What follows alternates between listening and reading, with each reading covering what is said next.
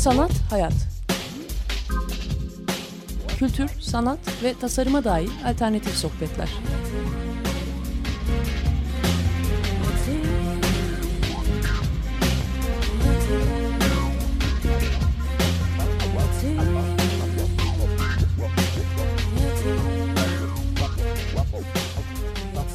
Hazırlayan ve sunan Aslı Kırbaş.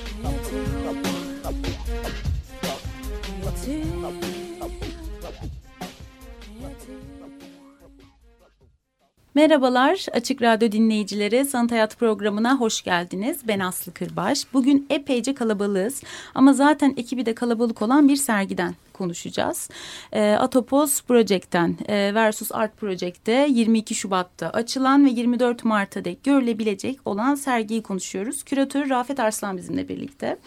E, Rafet zaten bize sanatçıları e, tek tek söyleyecektir ama bir kısmı burada yanımızda. Nevzat Sayın bizimle birlikte. E, Sercan Apaydın bizimle birlikte. Zeynep Beler bizimle birlikte. Öte taraftan bir de şöyle bir şey var. Bir güzellik. Didem Ermiş bizimle birlikte. O da sergi üzerine bir yazı yazacakken denk geldikten onun da sergiyle ilgili aslında neler düşündüğünü dinleyeceğiz kendisinden. Böyle bizim de değişik bir deneyim olmuş olacak program açısından da. Şimdi bir kere e, böyle epey zamandır heyecanla çıktığım sergilerden bir tanesi oldu. Hem bir kere öncesinde hani Rafet'i takip ettiğim için biliyorum yoğun bir okuma süreci. Zaten böyle en son Rafet'le sanırım bir buçuk sene önce program yapmışız. Yine aynı mekandaki Kör Bakış sergisi için konuşmuştuk. Aynen. Evet çünkü böyle Rafet'in uzun bir düşünsel sürecini böyle biraz onu tanıyorsanız yakıptan, yakından takip ediyorsanız fark ediyorsunuz ve sonrasında çıkan iş evet hani o emek yoğun ve zihin yoğun e, süreçten sonra e, biz de nasiplendik diyorsunuz. E, öte taraftan böyle büyük bir kaos var. Sizi de sarsan bir kaos e, durumu söz konusu. Serginin hem bağlamı ile ilgili hem de zaten işler de bunu apacık e, ta gösterip sezdiriyor. Aslında biraz e, Rafet'e bu sürecin hem ülke bağlamında zaten çok açık yaşadığımız şehir, şehrin yıkımı, yeniden dönüşümü, tek tipleşmesi meselesi hepsiyle ilgili aslında sergi bir şeyler söylüyor. Öte taraftan da serginin çok güzel bir kitapçığı var. Orada 2008 yılında Rafet'in yazdığı bir yazı var esasında. Yani bu çok uzun bir sürecin bir sonucu da belki de sonucu değil yeniden bir başlangıcı bir virgülü gibi. O yüzden nasıl gelişti onu dinleyelim Rafet'ten sonra da sanatçılardan tek tek e, nasıl bağlamla ilişki kurduklarını alalım. Yani benim için 10 e, yıl aşkındır e, süredir kafamda gezen bir mevzuydu. Hı hı. Ama e, yıllar geçtikçe farklı okumalar yaparak, farklı araştırmalara girerek bir demlenme oldu belki de. E, ve iki seneden beri de e, bunu artık bir sergiye dönüştürme e, fikri kafamda canlanmaya başladı.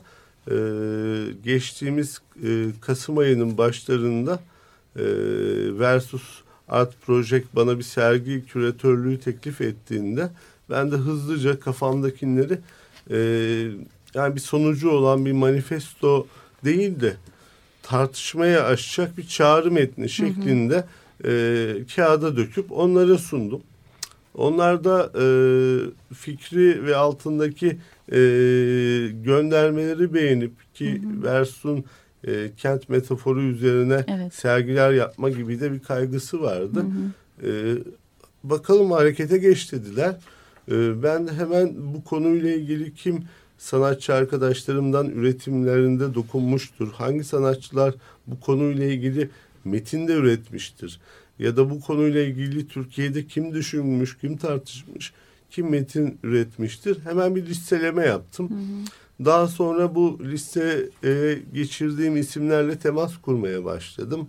E, temas kurduğum isimlerin de e, yüzde doksanı işte takvimi de uygun oldu. Projenin fikri onları heyecanlandırdı ve e, 2 Aralık günü ilk toplantı e, galeri salonunda yaparak startı vermiş olduk. Hı hı. E, toplantılar daha sonra devam etti. Yine birkaç büyük toplantı daha yaptık. İkili üçlü küçük toplantılar, atölye ziyaretleri açtığımız e, güne kadar hiç ara vermeyen bir tempo. E, işte mail grubunda birbirimize makaleler göndermek, belli filmlerin e, ya da romanların bu konuyla ilgisini e, sohbetlerle ya da yazışmalarla deşerek e, süreç canlandı. Bir okul gibi olmuş sanki süreç. Yani şeyi özendim. Hani böyle sanatçılarından biri olmasaydım da keşke o yoğun tartışılan e, konuşmalara falan şahit olabilseydim diye şu an kıskançlıkla dinliyorum Yani makaleler, müdürü- filmler. ve hocası olmayan bir okul olarak kabul edebiliriz. Yani yatay bir zeminde e, hepimiz birbirimizden öğrendik, deneyimlerimizi paylaştık. E, sonuçta bir çokluktur bu. Evet.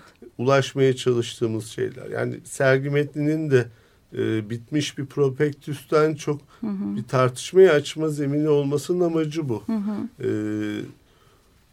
sanatçıların plastik anlamda ürettiği şeyler ya da işte bu kavrama dair düşünsel fikirlerinin hepsini çakıştırıp ki burada 20'li yaşların başında Evet. e, genç sanatçılardan çok daha deneyimli isimlere kadar e, farklı kuşak ve tekniklerdeki insanlar da bu toplantılarla birbiriyle iletişim e, ve tartışma fırsatını da bulduğunu düşünüyorum. Evet yani şu var mesela dediğin gibi hem farklı kuşaklardan sanatçılar var hatta farklı alanlardan beslenen sanatçılar da var öte taraftan.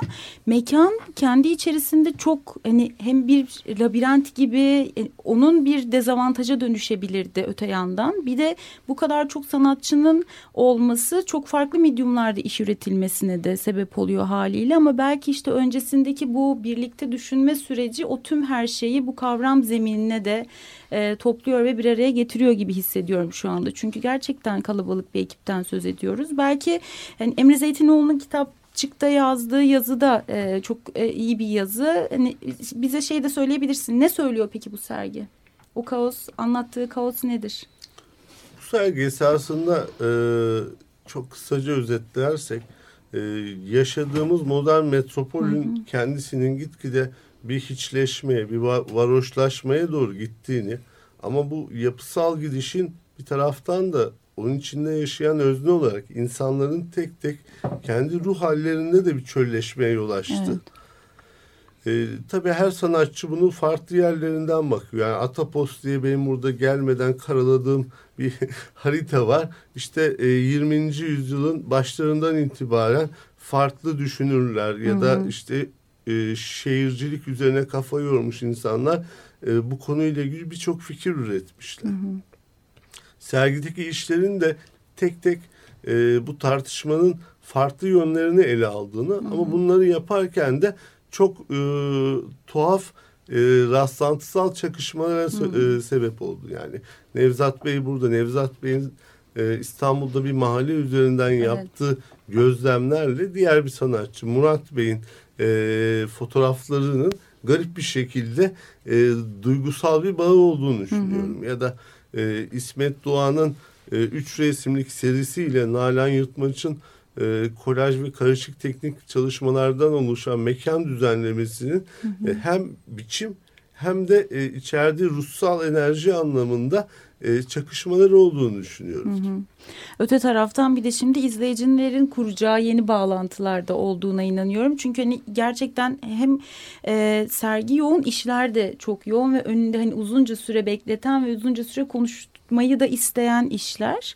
E, aslında şimdi böyle sanatçılara geçelim istiyorum bir yandan. Çünkü şöyle bir şey evet hani o yer, şehir, e, şehre ruhunu katan insanlar ama bir yerden sonra da o şehrin ruhuyla e, ilerleyen ve o şehrin ruhu da bize sinmeye başlıyor ve bu değişen şehrin ruhu aslında insanlar üzerinde nasıl etkiye sahip diye düşündüğümüzde belki işte sanatçıların ürettikleri işler bunlardan e, birkaçı olacak, göstergeler olacak.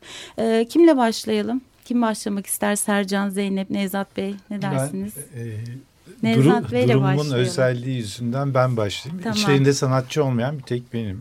Ama niye size en son geldiğimiz programda tamam ben de bunu konuşmak istiyordum. En son Nevzat Bey Nisan ayında Ahmet Doğu İpek'in sergisi için buradaydı ve o zaman bu konuyla bitirmiştik aslında. Sizin sanat alanından beslenip bunu mimarlığınızda Tabii. görmemiz ya da mimarlığınızın zaten bu alanı besliyor olması ikilik yani iyi bir beslenme durumu gibi bir şeyler demiştik derken de karşımıza çıktınız. Buna, buna bir itirazım yok. Aynen böyle Evet. bu karşılıklı beslenme Evet. meselesi hala sürüyor ve o çok kıymetli bir şey. Evet. Sadece Rafet böyle bir öneriyle geldiğinde ilk önerisi bunun üzerine bir yazı yazmaları. Evet, haberim var bundan. Konuştukça e, şunu itiraf etmek durumunda kaldım. Ben mimarım ve e, kentin çeperlerinde e, kimi bu kentsel dönüşüm projelerinin bazılarında benim imzam da var. Evet. Dolayısıyla bizim böyle yerlere bakışımızda iki bakışımız var. Bir orayı okumak, anlamak, anlamlandırmak e, ya da orada bir proje geliştirmek. Hı hı. Bunlar bazen birbirleriyle çelişebiliyor. Ben olabildiği kadar bunları üst üste örtüştürmeye ve daha anlamlı bir şeyle uğraşmaya çalışsam da çok girdili bir mesele olduğu için yani yatırımcı tarafı var, Evet. speküla- spekülasyonlar var, kullanıcıların talepleri var, e, o kent topraklarının fiyatları var. Çok mesele var bunun Evet. Ve içerisinde. siz bu ilişkilerin çoğuna da aslında maruz kalıyorsunuz, görüyorsunuz. işiniz gereği Tabii. içindesiniz de öte taraftan. Maruz kalmaktan öte benim girdilerim bunlar zaten. Evet. Yani ben bir işi yaparken tıpkı topografya verileri gibi bunlar da giriyor. Hı hı. Şimdi böyle bakınca benim yazacağım yazının bu e, Rafet'ten dinlediğim serginin yazısı olmaya çok da aday olmadığını e, fark ettim. Ama konuşurken şöyle bir şey çıktı. E, ben buraya bir iş vereyim dedim. Yani bak Hı hı. e, bir şey geldi. O sırada Sarıgöl üzerine çektiğim fotoğraflar geldi aklıma. Hatta şey dedi e, Nevzat Bey sen benim yazacağımı nereden biliyorsun dedi. Ben eyvah dedim bir fake attım. Sonra gülümsedi. E, ama bunlara da bakabiliriz dedi beraber. E, Ve e, Sarıgöl bizim e, bir proje geliştirmemiz için önümüze gelmişti. Ve biz orayı gördüğümüzde yani ben çeşitli zamanlarda görmüştüm ama o vakit gördüğümüzde gerçekten ortada ilginç bir şey vardı. Tamamen boşaltılmış. Kapılar pencereler sökülmüş. Ve neredeyse hani Suriye'de şu anda sürmekte olan savaşın ardında kalan şehirlerin görüntüsü vardı orada. Ve tekinsiz bir yer olduğu için de geçmişinde e, Sarıgöl e, ilk dikkati çeken şey dikkat burası Sarıgöl levhası vardı ve o kırık dökük bir biçimde yerde duruyordu. Yani artık aslında onların kastettiği anlamda dikkat etmemiz gereken bir şey kalmamıştı. Bir ironik bir şeydi yani bu. Ama dikkat etmemiz gereken başka bir şey vardı. Dolayısıyla levha hala geçerliydi. Dikkat Sarıgöl diye. Bu şunun için önemli aslında Rafet'in yazısında da açıklamalarında da var.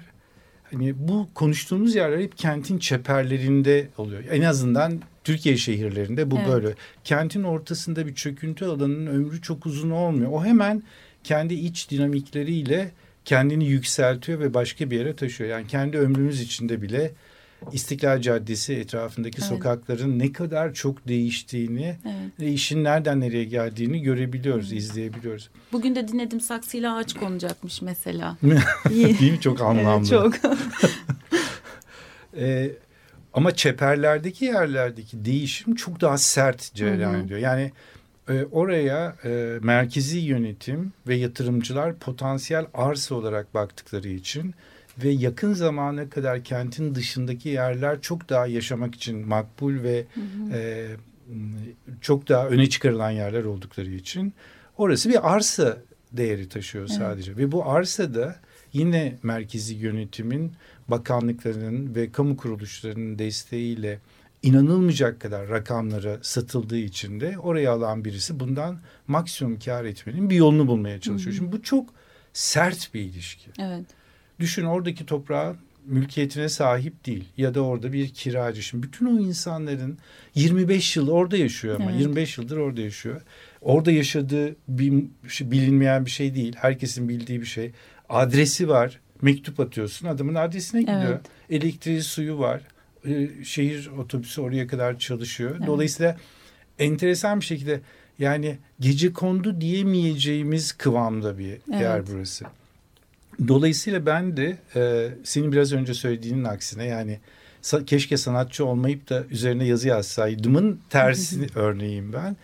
E, ben ni- niye yazı yazayım ki? Burası hakkında düşüncelerimi çok daha e, keskin bir biçimde anlatabileceğim birkaç fotoğrafım var deyip sayın küratöre gösterdiğimde onun oluruyla böyle bir şeyin içerisinde oldum açıkçası. Ama şöyle bir şey var yani o fotoğrafların hani bir izleyici gözüyle e, hissettiğimde ve o koridordaki aslında o hareketlilik ve o tam geçişin üzerinde olması hmm. haliyle de birlikte. Mesela sizin takip ettiğim ve birkaç söyleşide e, ilgimi çektiği için mesela bir kitabı okumuştunuz bir söyleşiniz öncesinde. O kitabın içerisi incik cincik edilmiş, altı çizilmiş, notlar alınmış. Öte taraftan defter açıldığında o böyle katmanlı katmanlı ve fotoğraflar sanki zaten siz oradan malzemeyi, veriyi, o bütün belki anıyı toplayıp çıkan fotoğraflar böyle soymak isteseniz kabuk kabuk soyabileceğiniz hikaye anlatıyor. Yani evet hani belki zaten pencere içinden gördüğümüz arkadaki mekanlar vesaire biçimsel olarak öte tarafa koyuyorum. Düşünsel olarak da sanki siz bir yazı yazmışsınız da o yazı yerine bu sefer fotoğraf olmuş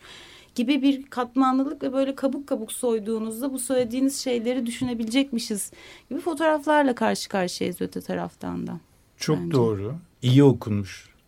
Valla bunlar okunduysa fotoğraflardan zaten işini görmüş demektir. Bence hiçbir şey söylemeden e, anlaşılı vermiş. Hı hı. Tam olarak bu. Hı hı. E, ilginç bir biçimde baktığı yer bir mezarlık. Evet. E, dolayısıyla e, o incecik genellikle de 10 santim kalınlığındaki bu gece kondu evlerinin duvarlarının ayırdığı hayatla ölüm arasında evet. yani o e, karanlığın içerisinde de olsa rengarenk duvarların olduğu odalarda kim bilir ne hayatlar geçti. Evet. Ama e, incecik bir zar ayırıyor onu. Evet. Şimdi ise o yerin ölümünü izliyoruz. Bir süre sonra orada ben şu anda mesela orada ne olduğunu bilmiyorum Hı -hı. E, senin okuman tam olarak söylediğim şey. O bir sürü katmanı, e, bir sürü tabakadan oluşan e, süperpoze diyebileceğimiz üst üsteliği anlatma çabasıydı açıkçası. Hı hı. Çünkü çok sert bir şey evet. yani gördüğümüz şey. Onu evet. öyle sıkışık bir yere getirmek ve koridor da doğru. Yani evet. kendisi bir koridorun üzerine konmakla çok iyi oldu. Çünkü bir koridorun üzerinden geçerken gördüğümüz kapısı açık odalardan dışarıya bakan pencereleri evet. izlemek gibi bir şey neredeyse. Evet. Şimdi bir de siz bunları düşünürken öte yandan fotoğraflara yaklaştığınızda sizin el yanız, yazınızda belli belirsiz aldığınız not gibi duran ve hani bunu bir, bir daha e, o keskinliğe o e, yazıyor mu yazmıyor mu yaklaşıp okuyayım dediğiniz o hisle birleşmiş. Ben çok keyif aldım. Yani tüm bu okuduğum ve anlamaya çalıştığım şeylerle birlikte bir daha benim için altını çizmiş oldu. Kişi olarak teşekkür ediyorum ayrıca. Ben yani. bu işi beceriyorum galiba. Valla fotoğrafların e, plastik durumları da var. Yani evet. renk seçimi. Evet. Orada merceğin ayarlanması ve bundan oluşan espas. Evet. E, bu noktada e, sergimize katılan bir mimarın çalışmaları değil zaten sergi sanatçılarımızın bizi oluşturduğu eserler olarak evet. değerlendiriyorum. Peki sonra Sercan aslında mekana girdiğimizde bizi ilk karşılayan doğru söylüyorum değil mi Sercan? Hı-hı. Atopos Tower'la evet, evet. Ee, bizi sen karşılıyorsun. Belki sen de e, nasıl ilişkilendi bu kavramla işlerin? Bu arada sanırım zaten bu sergi için üretildi değil mi? İsmiyle de birlikte anlıyor muyum yoksa yani daha önce mi? Son zamanlarda ben zaten biraz e, böyle form form şeyler yapıyordum. Üç boyutlu şeyler. Hı hı. E, dolayısıyla e, denk gelmiş oldu bir taraftan. Ama böyle yani çok bütün bu analitik meselelerin ötesinde ben biraz daha hissi yaklaşıyorum. Yani işte insan mekan ilişkisi zaten hep bunun üzerine bir, şekilde düşünmeye başladım uzun süredir yani. Hem kendi varoluşum üzerinden. Ee, işte yani iki tane kişisel sergi yaptım. Bir tanesi derin boşluk, ikincisi sahibinden oldu. Bir şekilde hep bu meseleleri irdeleyen sergiler olduğunu düşünüyorum yani kendi adıma. Son zamanlarda da böyle bir işte e, konstrüksiyon e, gibi yani böyle bir, e, bir takım e, inşanın kendimce bulduğum malzemelerle oluşturduğu bir takım şeyler yapmaya başladım. Formlar, üç boyutlu formlar. Bulduğun yer de ilginç. İstersen onu ha, da... Oraya oraya geleceğim de e, işte bu sürece genel olarak böyle bir reconstruction işte bir yeniden yapılandırma olarak kendimce yorumladım. Çünkü kendi hayatımda da böyle bir takım değişimler oldu vesaire. Dolayısıyla orada bir samimi bağ kuruyorum yani. E, bunu önemsiyorum. Ee, dolayısıyla e, son zamanlarda ben yani yaklaşık iki senedir aslında burada yakında size de komşuyum yani hemen e, üst sokakta atölyem var. Hmm. Doğan Apartmanı'na falan da yakın. E, o mesela orada bir pencere vardı. O pencere Doğan Apartmanı'nın penceresiymiş. Öyle tesadüf e, buldum ben onları dışarıdan. Buluyorum öyle pencereler falan buluyorum. İşte atölyeye getiriyorum. Ha, atılmış bir pencereydi. Evet evet yani öyle bir takım şeyler var. Dışarıda zaman zaman rast geldiğim. Onları atölyeye getirip e, onlara bir takım müdahalelerde bulunuyorum işte. Aslında bir yine bir boşluk kendime ait bir yer arayışı ama onu böyle bir e, oradaki malzemeler üzerinden nasıl şey yapabilirim, yorumlayabilirim gibi. E, bir taraftan burada da tabii bura, buralarda yaşamaya başladıkça buradaki değişimleri de gö- Evet. görmeye başladım. İşte burada da sonuçta uzun süredir bir bir gentrification dedikleri Evet, bir yenilenme süreci var. Evet. Dolayısıyla e, bu da enteresan bir süreç. Bir süre sonra bulunduğum yerde mesela aynı e, kirayı ödeyerek belki e, var olamayabilirim yani biraz. Bu konular da enteresan konular. E, İşte Çok kısa bir sürede mesela yel değirmeninin başına gelen de bu. Birçok sanatçının evet. oraya Aha. gidip şimdi de kiralar yükseldiği için orayı da terk etme durumu gibi aslında biraz. Evet, evet. oluyor yani. Hele Ya- burası çoktan yükseldi. Yani. Aha. Dolayısıyla yani ben özellikle kendi deneyimler yani deneyimleme meselesine hep e, şeyim yani önem veriyorum. O yüzden böyle bir şekilde deneyimleyerek yani Atopos zaten e, aslında hep deneyimlediğimiz bir şey. Hı hı. E, tabii ki isimlendirildiği zaman böyle bir araya geldiği zaman sanatçılar e, bir somut bir şey çıkıyor ortaya ama Atopos aslında işte bizim hissimiz yani. Evet o yüzden hani Ee, şey dedim gibi. ya bu şehrin kimliğini oluşturduk insanlar olarak ama şimdi Hı hı. bir de hızla değişen bir şehir var ve o şehirde ister istemez bizim kimliğimiz üzerinde bazı etkileri Evet, sahip evet. ve hani o etkileri sizin işlerinizden görüyoruz aslında. Bunlar bir anlamda o şehrin sizin üzerinizde bıraktığı etkiler de öte hepimizin e, hissettiği şeyleri siz başka türlü anlatmış oluyorsunuz öte Gibi, evet. taraftan yani. Yani bir de şu aslında- da çok anlamlı hani mesela Galata e, Doğan Apartmanı gibi bu şehrin belleğinde yeri olan, tarihi belleğinde yeri olan bir yapının parçalarını kullanıp da bu işin yapılıyor olması da ayrıca bir anlam taşıyor yani. Evet o da tesadüf İronik oldu ama olarak, bir evet. şekilde aslında işte yine deneyim ve denk geliş vesaire yani e, bunları bunları önemsiyorum ve öyle hakikaten öyle oluştu yani. İyi denk geldi. Güzel. Öyle. Peki şimdi Zeynep'le devam edelim o halde. Ee, Zeynep'in işlerinden ve bu sergiyle nasıl ilişki kurduğundan bahsedelim. Ee, Zeynep'in de işlerinde aslında farklı şehirlerden kareler görüyoruz değil mi Zeynep? Aynen. Ee, o bize anlatır nasıl bir süreç yaşadığını ve bu işleri nasıl bu sergiyle bir e, ilişki kurduğunu. Ee, şimdi sergide üç e, fotoğraftan oluşan e, bir de desenden oluşan e, bir parşömen gibi uzun bir e, e, kağıt işten oluşan bir yerleştirme e, var benim işim olarak. Bu seri as yani bu fotoğraf serisi aslında benim e, 2012'den beri falan e, çektiğim böyle e, içinde bulunduğum şehirlerde e, Ölü Dağ diye nitelendirdiğim ve çoğunlukla böyle İstanbul'da çekmeye başlamıştım. E, bir serinin e, uzantısı diye düşünüyorum e, birazcık. E, ve şimdi bu e, Atapos sergisi için e, mail grubunda işte ilk okumalarla beraber aslında e, bu son dönemde çektiğim bu üç fotoğrafın bu şekilde aşağı yukarı yerleştirilmiş hali direkt zaten gözümün önüne geldi yani bu e, bunu sergilemek istedim. Bu e, iki fotoğrafı birkaç ay önce e, Düsseldorf'ta çektim. Biri de geçen sene Bursa'da çekilmiş bir fotoğraf en ortadaki.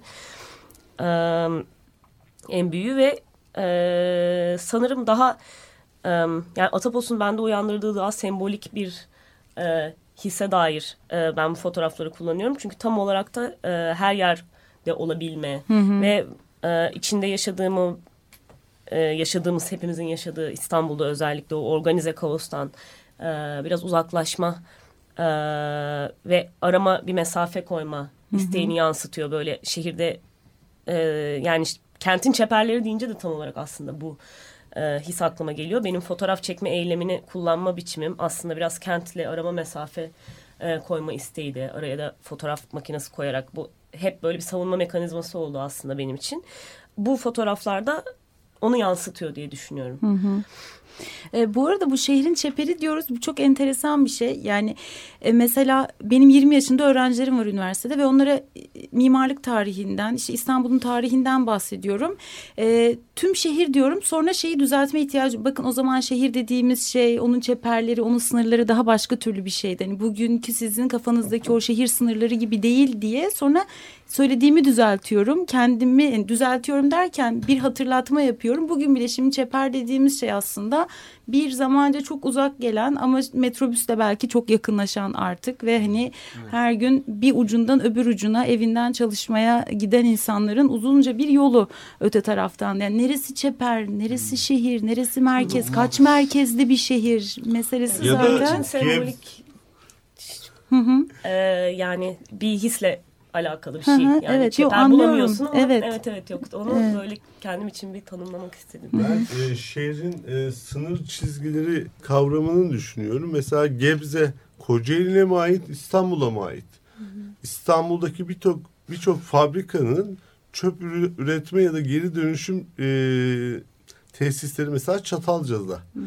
Yani garip bir şekilde şehrin esasında bir mutant ahtapot gibi yayılıp evet. kendi sınırları bile taştığını görürüz. Yani İzmir'de de mesela işte İzban e, dediğimiz toplu ulaşım hattı kurulduktan sonra bir anda e, işte bir ucunda e, Gazemir'den ileri Torbalı vesaire bir taraftan da e, ta Ali Ağa'ya kadar e, kentin sınırları gelişti. Hı hı. E, bunun sonrasında bir bakıyoruz bir anda toplu konut projeleri evet. e, gelmeye başladı. Şehrin en uç noktasındaki insan şehir merkezinde e, çalışmaya başladı. Evet. Bu sefer e, şehrin ucuyla göbeği arasındaki kültürel farklılık diye eskiden tanımlanan şeyler de geçersiz olmaya başladı. Evet. E, iki program önce Sinan'la Sinan'ın e, son kişisel sergisini konuştuk. Bir de şimdi bizi Kanal İstanbul'u 3. Köprünün getirdiği yeni yerleşim alanları bekliyor öte taraftan yani. Şöyle yapalım bir şarkı arası verelim soluklanalım sonrasında devam edelim. Böyle bu aralar e, geçenlerde daha doğrusu denk geldim bu şarkıya. Can't Stop Running diye bir şarkı. Böyle ilk önce kalp atışlarına benzettim. Bugün siz konuk olacaksınız diye bu şarkı tekrar aklıma geldi. Öte taraftan böyle bir süredir şehirde yürümeye çalışıyorum. Hatta şimdi Nevzat Bey'in Sarıgöl'den bahsetti. Oraya çok yakın bir yerde oturuyorum. Gazi Osman Paşa'dan Balat'a yürü diyorum. Bir saat kadar bir sürede ama e, mesafenin uzunluğundan ziyade böyle kaçışarak o kaldırımdan o kaldırımı atlayarak arabalara yol vererek böyle o yürüdüğüm süre boyunca kalbim böyle çarpıyor sürekli korkudan. Ay arabamı çarptı ay nasıl oldu diye biraz da böyle onu hatırlattı. O şarkıyı dinleyelim hep birlikte sonrasında devam edelim.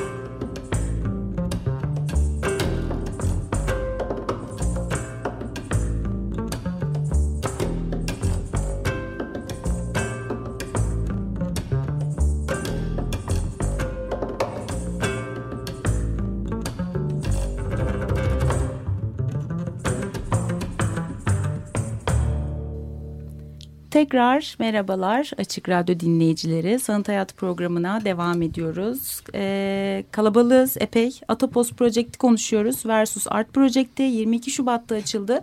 24 Mart'a dek devam ediyor. Rafet Arslan küratörlüğünde. Kalabalıkça bir sanatçı grubu var aslında. İsimleri saymadık ama Rafet senden rica edeceğim bir isimleri de herkesin analım. Ama şu an stüdyoda Sercan Apaydın bizimle birlikte. Zeynep Beler bizimle birlikte. Nezat Sayın bizimle birlikte. Hatta birazdan Didem Ermiş'le konuşacağız. O da sergi üzerine e, yazı e, üretme e, derdindeyken o nasıl buldu sergiyi bir de ondan dinleyelim istiyorum. Ama önce Rafet'ten isimleri alalım. Ee, burada stüdyoda olmayan e, sergi ekibinde olan sanatçı arkadaşlarım Alper T. İnce, kendi Çivzi adlı sanatçı kolektifi, e, Deniz M. Örnek, İzmir'den sergimize katılan Ezgi Yakın, e, İrfan Önürmen, e, İsmet Doğan, Mehmet Çeper, Nalan Yırtmaç, Nejat Satı, Yiğit Koç, Yunus e, şey Yusuf Murat Şen. Hı hı. Tam ekibimiz bu ve e, bizi çok e, kafamızda da sorduğumuz soruların daha somutlaşmasına e, yol açan önemli bir metinle sergiye katılan Emre Zeytinoğlu'nun da adını anmadan geçemeyeceğim. Hı hı, evet. Herkese tekrar teşekkür etmiş olalım. Ee, bu serginin vücut bulmasını sağladıkları için. Ee, Didem'le devam edelim istiyorum. Didem Ermiş. Hem bize böyle Didem bir kendini tanıt hem de sergiyle ilgili sen nasıl bir değerlendirme yapıyorsun? Hepimiz birlikte dinleyelim. E, merhaba, ismim Didem Ermiş. Bilgi Üniversitesi Kültür Yönetim Bölümünde yüksek lisans yapıyorum. E, ayrıca bazı mecralarda da e, yazı yazıyorum. Gerek sergiler üzerine, e, gerekse diğer san önemli sanatçılarla röportajlar yapıyorum. E, bu serginin e, bu serginin ilk adını duyduğumda ben de çok heyecanlandım. Zaten Rafet Arslan'la daha önce konuşmuştuk. E, Atopos üzerine bir sergi yapacağını söylemişti. E, ben de konu üzerinde araştırma yapmaya başladım. Yok yerler, varoşlaşma anlamını taşıdıklarını gördüm bu Atopos kavramının. Ve daha sonrasında sergi olduktan sonra bir yazı yazmak istedim. Çünkü benim de çok heyecanlanarak gezdiğim bir sergiydi ve serginin açılışını merakla bekliyordum, heyecanla bekliyordum. Ee, sergiyi gözerken şöyle bir okuma yaptım ben de. Ee, bir kere Mark Öjen'in e, yok yer kavramı zaten Rafet'in temel aldığı, Rafet Arslan'ın temel aldığı bir kavram. Ee, Ballard'ın iç uzayı ve e, Didebord'un e, psikocoğrafya kavramının sergide baskın olduğunu görüyoruz. Hı hı. Şimdi ben şöyle genel bir okuma yapmak istiyorum şey üzerinden, sergi üzerinden. Şimdi ilk girdiğimizde e, galerinin sol ta sağ tarafına gittiğimizde İrfan Önürmen, e, Yiğit Koç ve Nejat Satı'nın işlerini görüyoruz. Aslında burada bir e, doğadayız. Çünkü Nejat Satı bir uzaktaki Türk köyünü gösteriyor. İrfan Önürmen e, bir betonlaşmış bir şehri ve Toki adamı gösteriyor. Yani beton adamı gösteriyor ve e, bir el karşımıza çıkıyor. Bunun yanında Yiğit Koç'un haraplaşmış, e, harabe haline gelmiş bölgedeki evini görüyoruz. Ve e, bunlar da bir bütün halinde Murat Çeper'in yarattığı arazi haritasının evet. içeriğini oluşturuyor. Mehmet Çeper'in. Mehmet Çeper'in. Ve bunun yanında da Sercan Apaydın'ın işini görüyoruz. Şimdi Mehmet Çeper'in arazisinde Sercan Apaydın'ın e, e, Atopos Towers'larını ve İrfan Önürmen'in e, şeyini el çalışmasını koyabiliyoruz. Hı hı. Şimdi buradan sonra bir odaya giriyoruz. Bu odaya da e, Rafet Arslan iç uzay diyor. Yani iç uzayın kozasına giriyoruz. Bu kozada da öncelikle e, Nazan Yırtmaç, Nalan Yırtmaç'ın e, iş makinalarıyla karşılaşıyoruz. Daha sonra İsmet Doğan'ın çiçekleriyle yani çiçeğin ölümüyle ve daha sonra Zeynep Beler'in Düsseldorf ve Bursa'da çektiği fotoğraflarla karşılaşıyoruz. Burada aslında bir e, düzensizlik görülüyor. Yani düzensizliğin getirdiği düzen aslında burada hakim oluyor. Daha sonra çıktığımızda da öncelikle Ezgi Yakın'ın e, aynı formlarla yaratmış olduğu yıkım araçları ve Nevzat Sayın'ın Sarıgöl'deki kentsel dönüşümü fotoğrafları, kentsel dönüşüm fotoğraflarını görüyoruz. Yani burada bir yıkıma doğru gidiyoruz Hı -hı. aslında. Yalnız şöyle bir durum var ki e, Deniz Örnek bizi güzel bir noktaya getiriyor. Kendisi de adada yaşayan biri olduğu için hı hı. Bize adadan bir görsel sunuyor. Ve bir e, ses enstalasyonuyla bizi karşılıyor.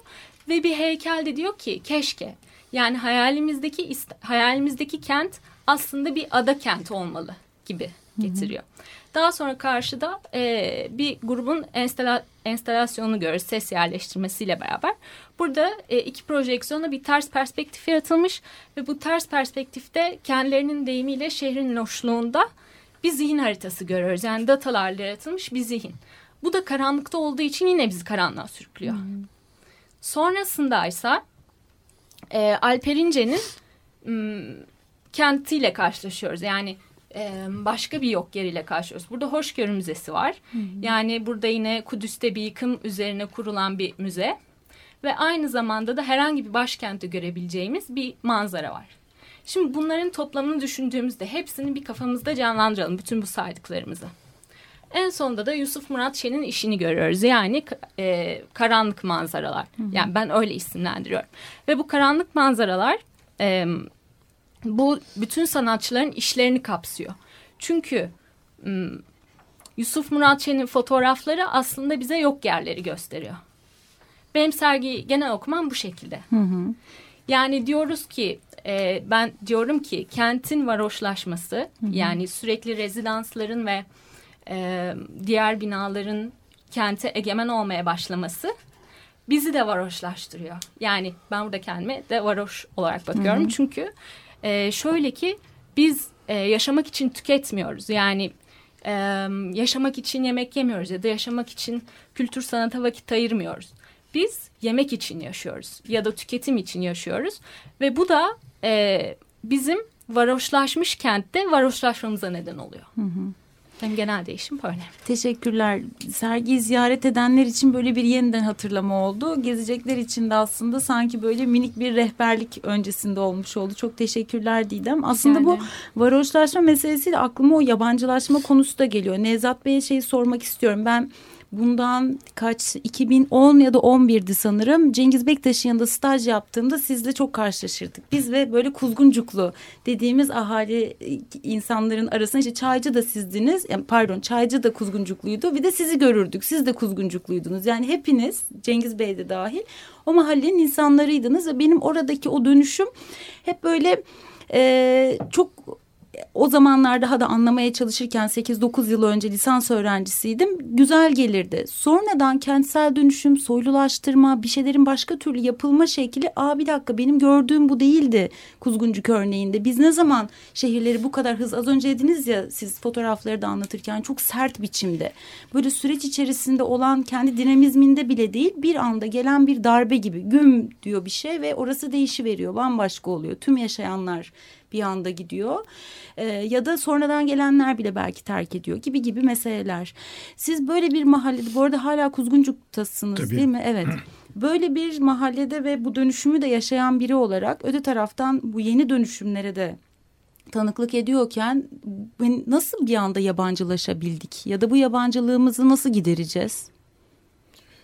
Yani bu bir, bir kısmı kendiliğinden olan bir kısmı hı hı. programlanmış olan bir takım şeylerin iyi bir biçimde bir araya getirilmesiyle oluşuyor bence. Kuzguncuk'ta iyi olan şu bir tarafı deniz bir tarafı Nakkaş Baba Mezarlığı bir tarafı Fethi Paşa Korusu üst tarafı da Bülbül Deresi yerleşmesi. Dolayısıyla gece kondulaşacak bir yeri yok. Yani hı. öyle bir alana sahip değil. Bu bir defa o bölgeyi coğrafi olarak e, tanrılar katında korunmasına yol açıyor.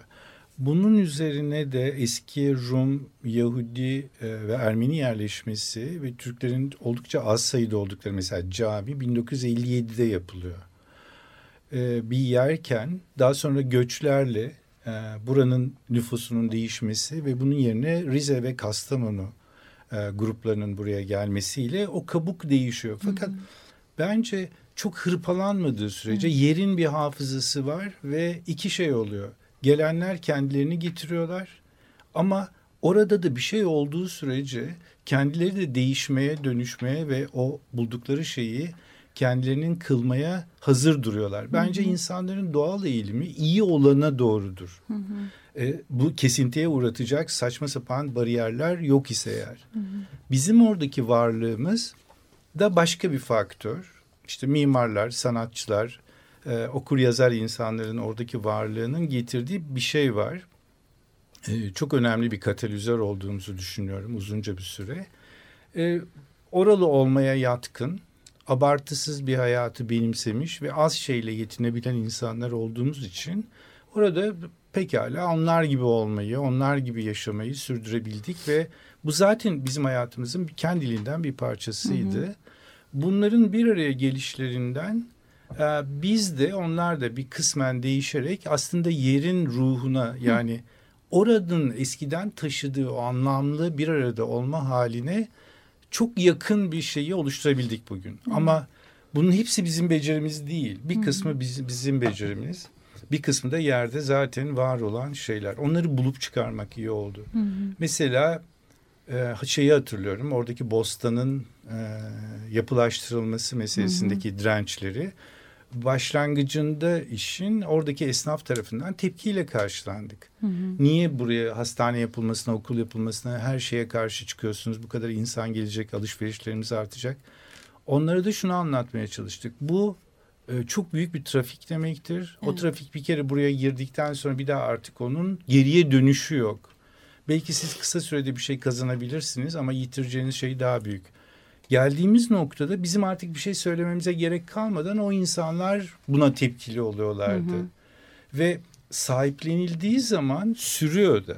Hı hı. Yoksa hani sürekli birilerinin kişisel çabasıyla olacak gibi değil. Dolayısıyla mesele oralı insanların meselesi olmaya başlayınca korunabildi. Hı hı. E, Kuzguncuk gerçekten de hani başına bir felaket gelmezse eğer e, bunu sürdürebilen ender yerlerden bir tanesi ve hı hı. oralı olma meselesini e, epeyce iyi sürdürebildiğimiz bir yer. Biz nereden gelirsek gelelim kuzguncuklu olmak gibi bir şeyimiz var. Evet yani bir oranın kimliğinin e, hala korunuyor demeyeceğim. Çünkü orayı insan oradaki insanlar bunu yaşatıyorlar hala esasında ama dediğiniz gibi gelen insanlar da kendi kimliklerini de yaşatabiliyorlar öte taraftan. İşte Kastamonuluların pazarı da orada bir yan yani Kuzguncuk'ta ama Kuzguncuklular da ayrıca ve bu bostan direnişi meselesi de belki de Kuzguncuğa işte yeni e, o kimliğini güçlendiren şeylerden biri oldu öte taraftan.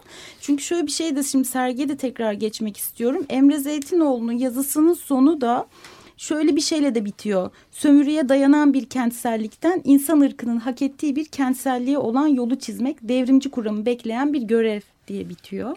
Ve senin de yazında aslında hakeza benzer bir çağrıyla e, hayalleri büyütme çağrısıyla bitiyor. Bir de Nevzat Bey'in anlattığı işte bir Kuzguncuk mahallesinin bugün de e, kendi alanını Kuzguncuk içerisindeki bir alanı nasıl anlatarak ve paylaşarak bunun sebeplerini içselleştirdiğimiz zaman bir direnişe dönüşüp orası hala Boston olarak korunuyor. O zaman demek ki bir şeyler yapabiliyoruz ve e, hı hı. bu kaos ortamında yıkılmıyoruz ve ümitsizleşmiyoruz. Ne yap, nasıl bir şeyleri Şimdi öneriyor bu sergi öte taraftan? adını koymak lazım. Yani bu e, dönüşüm süreçleri nasıl oluyor? Bence iki çeşit e, dönüşüm süreci var. Nacizane fikrim. Biri bölgesel tam temizlik. Biri de yüzeysel temizlik dediğim hı hı. şey.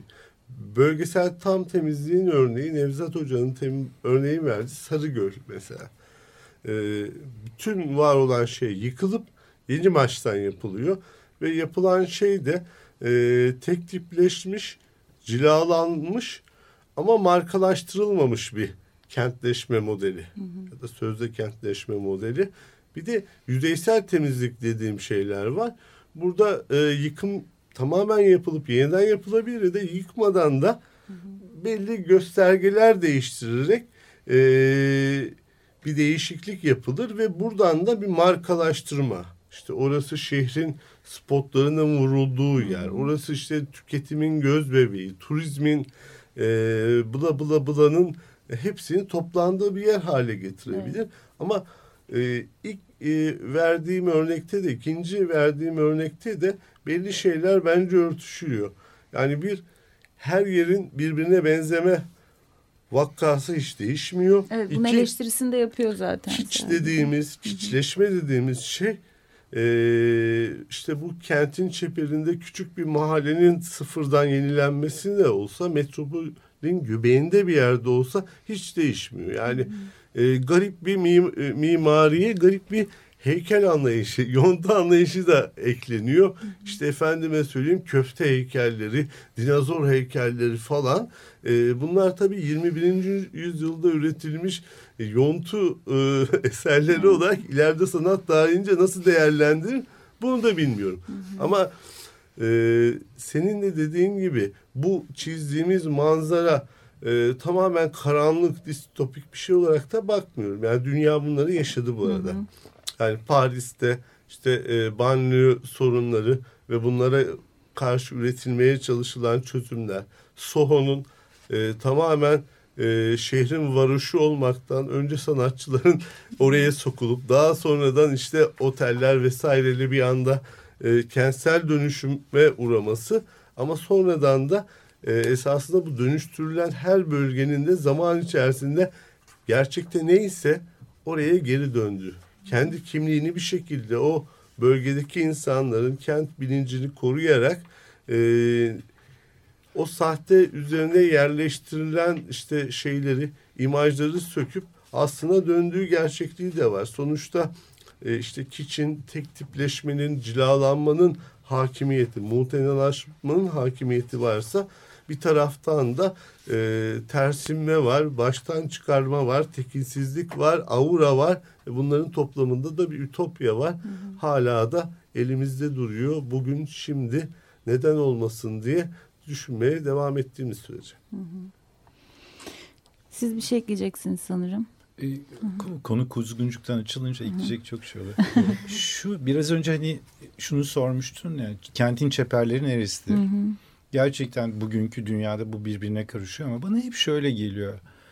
Ee, tek azal, e, kentte bulduğumuz işlevler azaldıkça e, kentin diğer bölgelerine olan ulaşım zorlaştıkça bu çeper olarak tanımlanmaya başlıyor. Hmm. Çünkü orada kendi bu alanına kısılıp kalmak e, dolayısıyla e, gizli, kapalı, suça daha yatkın yapıların kendileri için doğru dürüst yerler bulabilmesi, orada kuluçkalarını oluşturabilmesi hmm. ve kentte de aslında hepsine rastlayabilsek bile hani Arendt'in kötülüğün sıradanlığı dediği şeyin iyice görünür hale gelmesi.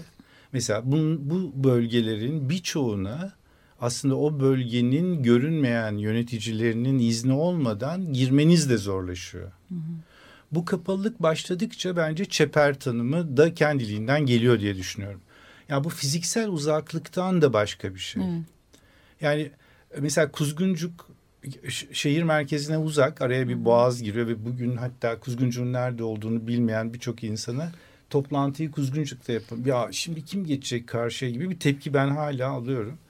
Oysa evet oysa Üsküdar'dan sallana sallana evet. 10 dakikada yürüyebiliyorsunuz. Yürüyor. Taksiye binseniz 3 dakika sürüyor. Motorla karşıya geçseniz 15 dakikada Beşiktaş gibi şehrin merkezlerinden birindesiniz. Hı.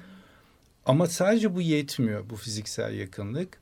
İşte bir mimarlık ofisi, bir sanat galerisi, sanatçı atölyeleri, bakkal, kasap, manav, balıkçı bunların hepsi bir arada durduklarında ve mesela çok ilginç bir şey alışveriş merkezi açıldı. Üç kere üç ayrı firma denedi ve kapandı. Kapandı mı? Şimdi bu e, dahası var karakol yani burada bir vukuat yok diye Sultantepe'ye gitti. Hmm. Şimdi bu e, şeyin e, bu birinin yani yassa kurallarını yapamayacağı bir şey. Hmm. Dolayısıyla bu yeri iyi okumak ve onu böyle küçük manipülasyonlarla olması gereken yöne doğru götürmek bana şunu hatırlatıyor. Hani 60'larda bütün dünyayı planlayabileceğini zannediyordu şehirciler, sosyologlar ve Marksist e, öğretiye sadakatle inanan gruplar. Bunun olamayacağı anlaşıldı. Hı hı. Bu peki plansızlık savunulmaya başlandı öbür ucundan. Bunun da iyi bir şey olmadığı anlaşıldı. Hı. Aslında kentte böyle akupunktur noktaları dediğimiz birbirleriyle belirli fiziksel ilişkiyi koruyabilecek olan noktaların iyileştirilip o iyileştirmelerin de hani biraz önce isim arıyorduk ya soylulaştırma, mutenalaştırma. Serhan Adan'ın çok güzel bir önerisi var. Jantileştirme diyor. Bu gentrification'ı jantileştirme diye kullanabilir. Bence süper yani sesi de çok yakın evet. olduğu için. Bu, amaçladığımız şey bu olmadan yani amaçladığımız şey o biraz önce söylediğim gibi orada ne var daha önce ne vardı hı hı.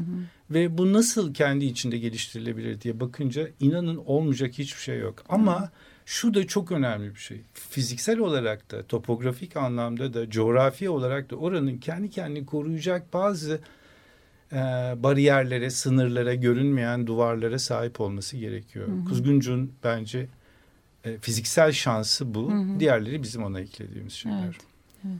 Yani şey çok önemli mesele. Dediniz ya birisi kuralları yazsa böyle olmazdı. Olmaz. Zaten yazmadığı için belki de böyle. Herkes oradan siz yaşayarak o yaşam deneyimlerinizi koyarak oranın kuralları kendiliğinden oluşmuş. Ve birileri bunu kural bir kural iki bile demiyor öte taraftan. Zaten öyle yaşamak e, iyi hissettiriyor tüm herkese birlikte. Bu arada fark etmeden neredeyse programın sonuna doğru geliyoruz. Son sözleri almak istiyorum. Bir 3-4 dakikamız var. Ama şunu duyuralım. Sanırım 17 Mart'ta bir sergi turu mu olacak Rafet? Ee, 17 Mart küratör eşliğinde sergi turu. Sanırım senin de ve katılabilen sanatçılar da o gün orada olacaklar mı? Tabii. Niyetimiz bu yönde ama ben her türlü olacağım. Umarım arkadaşlarımla. Tamam.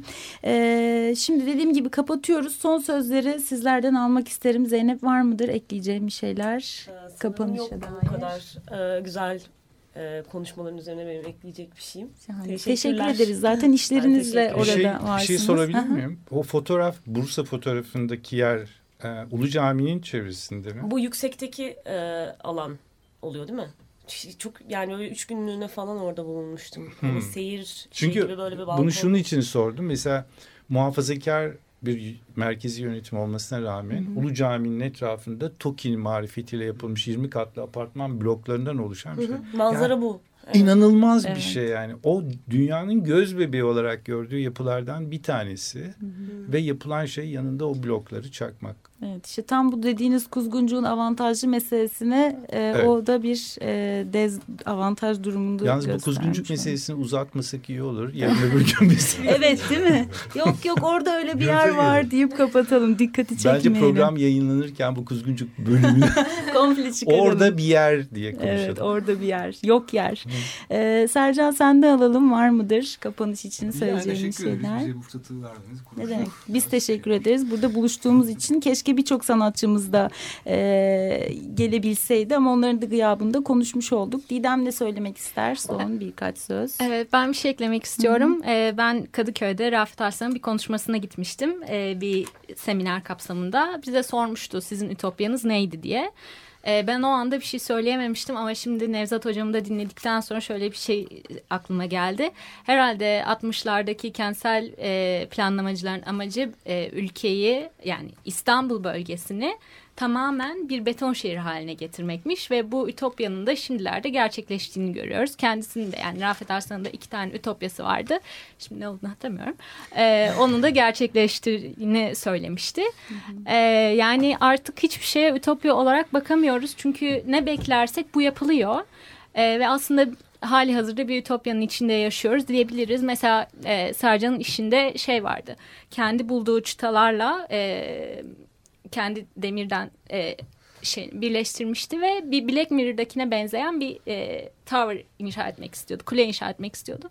Şimdi bunu biz her yerde görüyoruz. Yani gitar şeklinde bir e, bina da var ve aslında bu da bir ütopyaydı ama gerçekleştirildi. Yani kısacası demek istediğim bir ütopyada yaşıyoruz ve e, Rafet Arslan da e, Otapos sergisinde bir ütopyayı bize göstermiş oldu. Teşekkür Son ederiz Rafet. istiyorum.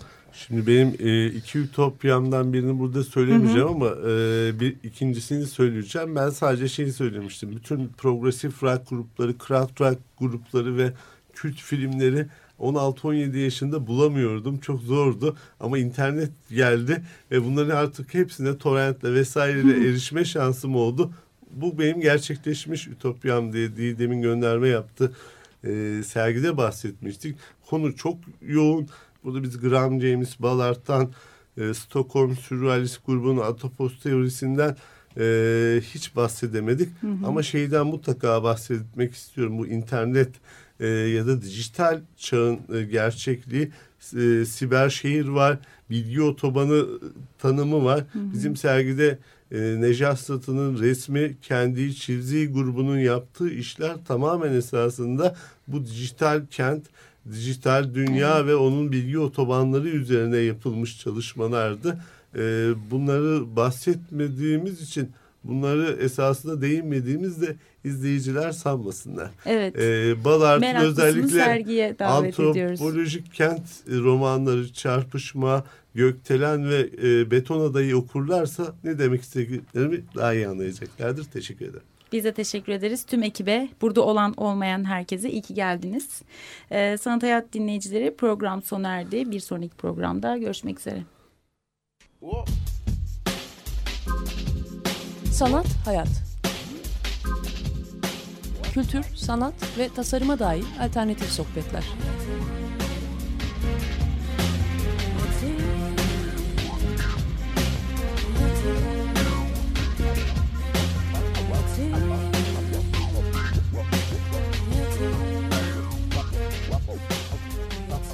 Hazırlayan ve sunan Aslı Kırbaş.